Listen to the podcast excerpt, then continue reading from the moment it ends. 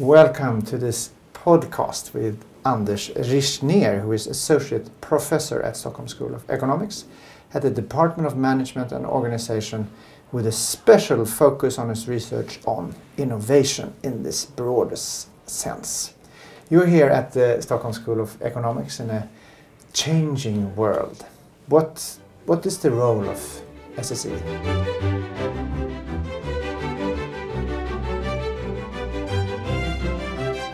I think SSE has a very important role to play in this world. Um, for me, innovation is a lot about continuous development, continuous evolution of a company. And uh, as all good violinists knows and all good athletes knows, knows, you need to have somebody that can actually help you train. Somebody who can be your coach, somebody who can be your phys- physio trainer, or somebody who can watch how you how you actually do things and give feedback. And I believe that SSE has a very important role in this respect. We can actually help organizations to navigate on how are we going to train? What is it that we are supposed to develop? And uh, by actually taking a step back and look at, at the firm and see these are some issues where you can actually develop yourselves. Things that might be difficult to see if you're inside the firm.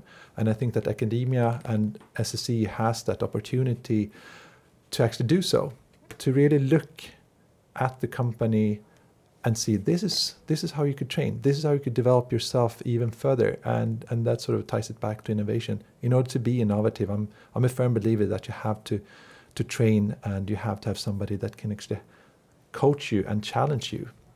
So so to that, respect i believe that sse has a very important role to play. So it's all about the, the group in itself. I mean there's an individual athlete and then there's a group that helps this athlete to really reach the, the top, top performance. Is that so? Yeah, I, believe that is correct. Um, an, individual athlete or like an individual within a company is not as strong as it is that he or she is with, with the help of others. It could be the support from from from other people around you in sort of the, the group that you're training with or um, in, in, in a firm setting, it is could be the input from different business units, but still you have somebody to sort of set these to help you set the frames. This is what we this is where we're aiming for. This is what we want to achieve, and I, I believe that that we at SSE has that role to to really to play to challenge um, how you're training yourself. Are you really developing yourself in the right direction, or are there missing pieces? Okay, this might be a bit uh, off uh, the target here, but you're a top athlete yourself, at least you were in those days. What are the connections between performing at a very high level and innovation? Is there any connections between that? So for me, there's absolutely a, a strong connection. I I believe, looking back at my athlete career, but also looking as where I am today and the companies I'm working with, that they are constantly seeking to challenge themselves in order to, to develop. And that is really the link to innovation. Innovation for me is is a leap into the unknown. We, I mean, with innovation, we don't know for certain that what what the things are that's going to happen. We don't know exactly if our products or services are going to succeed on the market. But in order to be innovative, we have to be brave. We have to try out and test new things. And for me, that's also where athletes goes that really wants to develop. They pursue avenues that nobody or perhaps just a few people have walked upon before. So you really want to explore the new things. You just can't focus on the role of exploiting what you're already good at. You need to be able to push yourself, to challenge yourself. And I think that that is what athletes do every day. So that's how I, that's at least my view of it. So when you're out there and working with uh, companies, not to name anyone in specific, uh, what are the sort of the challenges you see them meet? So I think that there there are different challenges that they that they meet basically every day, and I'm, I must say I'm, I'm really impressed with a lot of companies I'm meeting with the hard work they put in, and and how good they are of actually succeeding on things. Um, one thing that I think a lot of, or I believe that a lot of companies are, are, are really focusing on, but which is indeed a challenge, is really to understand who is the customer what is he or she doing? What is he or she wanting? How does their life look like? And and that could be an individual that comes from uh, that is really a consumer to your company but it could also if you have a b2b relationship it could really be who is the person sitting next to you what is his or her mandates um, I, I, believe that is that is really one one of the key challenges really deeply understand your customer another challenge is which is really related to that it's the whole role and the big trend that everybody's talking about around digitalization now we can create value in new ways but is value really created for the person sitting in front of you, the one who's buying your products or services? And I think we need to be careful there. It's not only about all embracing digitalization, but to think critically about how should our offer be put to market? Is there new ways that we can reach our customers with? Um, so I think that digitalization has has a very profound impact to our customers. A third um, thing that is really, I think, coming on strongly is the whole role of sustainability. Are we sustainable in our company in the way that we're producing things, um, how we're thinking from from the very first start of our production, no matter what the type of production we're doing, up until the product reach our end end consumer, uh, which it eventually be, and how does that whole circle look like? And I think that more and more companies are facing that challenge, how can we really think holistically about our offer? Um, it's sort of it's becoming more than just delivering a profit to our own. It's it's, it's really about becoming more of holistically thinking company, and I think those three trends are, are really or challenges is is what I experience companies are working with. Like, who is the customer really? what impact does the digitalization have and how can we create sustainable offers? But when, when I listen to you, it seems like innovation is just something new. How do we know you come up with a sort of innovative idea or a product or a service? I, I think that the, the final test is obviously, if we look at, at, at one point of view, would be to look at it from like, do we make profit out of it? Is there does it get spread into the marketplace? We'll sort of go back to the basic definition. Is it something perceived as new by the by the by the market? Is there somebody buying this, and does it sort of does it bring value? And finally, does it get spread? And I think that those three criterion very much works for basically most products and most most um, most services. But I, I, from what I'm hearing, it's like is everything all good? Is it that we really should care about innovation? And, and I do think that we should care about innovation. I think it's a way of of, of life as our hum, as, as human beings being in very in, in, in the broadest sense we need to and want to develop ourselves we want to challenge ourselves and I think it's it's a it's a fruitful way forward for for for society to think about like how can we overcome these things however innovation in retrospect may turn out to be well this wasn't a very good idea. Even though it got spread it was new it created some values. But you see the sort of negative effects years later. But at where we are at the moment i think that innovation is is for me at least something very positive. Could you mention a uh, innovative that you're sort of inspired by the latest month? A company, a service, an idea that you think this is really innovative? I haven't seen anything like it. That is a very, it's a very interesting question. Um, I had the opportunity to fly back from from the states a couple of days ago, and I read an article about um, Airbnb and. Uh, reading about Airbnb and what they've accomplished is something we know quite a lot about. Uh, what really struck me in that interview, which sort of slightly changed with the my, founders of with the, with the founders of mm. of um, of Airbnb, what really struck me as wow, the sort of wow effect was the way that Airbnb see themselves as a way of bridging and connecting connecting cultures and people, where they really want to push that this is not some place where you find a room or an apartment or a house very cheap, but rather as a way of understanding what, for instance, Paris might be about, because the host and they Airbnb is very they, they say at least in the article that they really want to focus on the host, that they want the host to really be open up Paris for this person coming from the US or from China or from Sweden and really show what is Paris about. It's far more than than than than, than going to um, one of these um, like the Louvre or, some other place where everybody goes to. It could be going to the small cafe and really feel like you're part of a society and a community.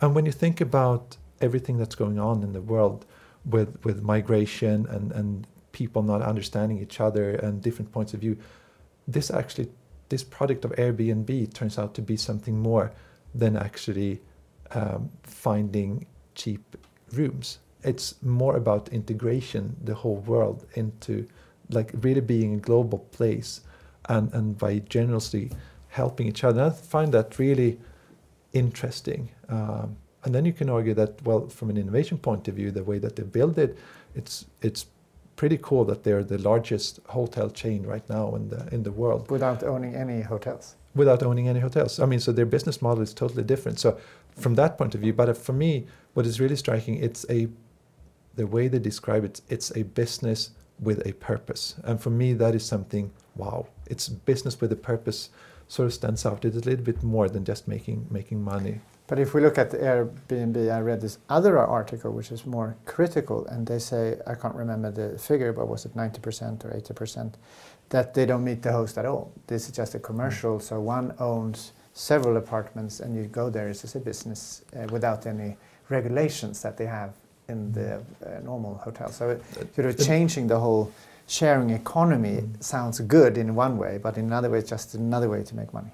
And sure, that that is of course one one one critique, and I know that obviously Airbnb is not here to to to put their point of view. So the way they read, the way they spoke about it in in the article I read, this is sort of who, who, who has the best source here, they said that they want to exclude those type of people. They really want to go back to their origins, their roots. They said that sometimes perhaps we've grown too fast. Perhaps we need to take a step back, so we don't end up like in in I, have also I've read similar articles, critical articles about Airbnb. You come to Washington D.C. and you have a whole district. There's only tourists. There's nobody living there, mm. um, or just some twenty percent who are actually living there. And I think that that is kind of sad. That is obviously the drawback of, of this type of of of, uh, of concept. But if they can do what they want to do, I think it's it's just phenomenal um, if they can succeed. If you, if you just stay there just a few minutes more, and we take a step back, and you are sort of the academic person here, and you see this phenomenon, how would you dissecate it? What sort of drivers do you see in it? How would you perceive it from your scholar mind? So what I, is happening here? How, how did they do it? How yeah. did it change the whole market? I, I think that there's several different avenues you could pursue here. You could look at the people, the founding teams. Where did they come from? Um, they had a background um, from uh, Rhode Island School of Design, uh, so they had this sort of design background. Um, they complemented the team with with not a deep knowledge of, of technology and how does this how does this work and, and also from a business perspective. So they were managed in the founding team, so looking at the people to talk about different lenses uh, to understand phenomena. Um, you could also look at it uh, from the viewpoint how do they understand the customer and who is really the customer and they argue about that it's really about the host and what is needed from a host. So you could go down that avenue. What is safety? How do you feel safe? How do you feel secure? What are those values? Um, then you can look at it from a consumer perspective. What is the value proposition that we're looking at here? Um, that could be another way. Obviously you could definitely look at it from from Airbnb's point of view, from the business model point of view. So I think that there's, um, or you could start looking at it from a fifth perspective, the investor perspective, the the people who are putting money into this, the the, the venture capitalists that that sort of wanted to go along with this, who were those people? So I think that we could really take a flora of, of perspective trying to understand what is going on within within Airbnb, and it, and for me that's when you look at a business from multiple lenses and, and then you can find very many different answers i think that's that's what makes it so fascinating from an academic point of view and obviously you could definitely take take some sort of life cycle sustainability point of view if you would want to do that um, as as well. Instead of building, we're actually using space that is not used. So we're coming back to what you mentioned earlier, the sharing economy. Um, so I think that's that's really fascinating when you can sort of have the opportunity within academia to really study a phenomenon from, from multiple points of, of view, deeply trying to understand it and, and draw out what are the implications of this and what can we learn from it. So what I hear now, and tying back to what we started with this athlete and this high-performing team surrounding him, this is similar in a way that the Airbnb founders were placed or sought this group around them that made this possible. The investors finding the right values and the uh, uh, each other in a way. Uh, very much so. Um, it's it's really about trying to understand like what is the ecosystem surrounding Air, Airbnb or what is the ecosystem surrounding an, an, an, athlete. And then I think it's just a matter of where do we stop exploring. I mean, if we sort of pull out, we can really create a big ecosystem within Airbnb and, and equivalent to, to an athlete. I mean, we could say, okay, what is the impact and the role of Silicon Valley here, for instance? They're based in San Francisco. What role does that region play, for instance? Or so depending on, on, on where you want to stop the analysis, but I do think that there's an, definitely an, an analogy uh, between these two two worlds that you have to think holistically about, uh, not about like one single piece, but you have to see the whole the, the sort of bigger picture. It's a bit, little bit like, like zooming out. If you have 500, uh, 500 pieces of a jigsaw puzzle, it's about you can focus on one single piece, or you can try to like zoom out and see what is it that we're trying to create here. And I think that for academia, it's our role and our important job to actually help people zoom in and zoom out. So, if you were uh, coming in now to the last questions here, if you uh, who are listening into this are inspired by Airbnb and others, uh, these sort of fast-growing companies, what kind of recommendations would you give them? What should they consider um, when setting up or continuing to grow such a business? Um, for me, I would very much focus on who, who is really who is really the, the customer. What is it that I'm trying to solve here? And, and like deeply trying to understand that there's a, a, a, human being in front of me, and I, I have to understand sort of her needs uh, and her desires and, and sort of her pains, and then try to think about okay, so when I understand that person, what type of solution is it that I can create, and secondly, what type of solution is it that I can create that nobody else can give to this person, and thirdly, I would definitely ask myself, is there some way I could do this solution that nobody else could deliver in a sustainable way? Um, how can how can I sort of give back to the to the surrounding society in smaller or bigger pieces in some sort of way? But really to think about that carefully, perhaps not go for the sort of quick and easy low cost solution, but actually think carefully: is there other ways where I can truly build a sort of sustainable business?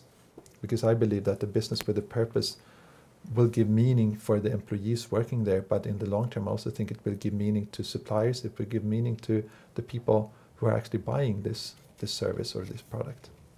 So the final question: What are on the front of your research? What do you find really interesting that uh, intrigues you and surprises you also? Oh, that's a very very elegant and very good question. So right now I'm very curious about uh, digitalization, as most of us, but I'm interested in the people aspect of it. How does it affect the people who are working with this? How does this affect the people who are going to try to develop these new so, solutions? What value do they see? How do they work? Does that change sort of the internal work processes? Does that change how we work with our suppliers?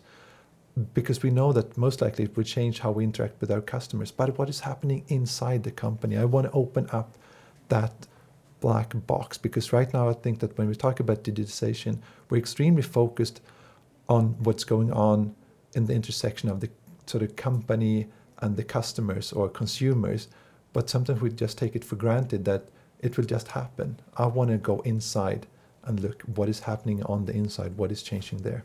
So what you're putting up for the companies or the organizations you're looking at or working with is a mirror. You might say so. For them for them, absolutely so. Thanks, Anders, for sharing your ideas on innovation and helping us all to prepare for the future. If you want to listen more to our podcasts, please surf in at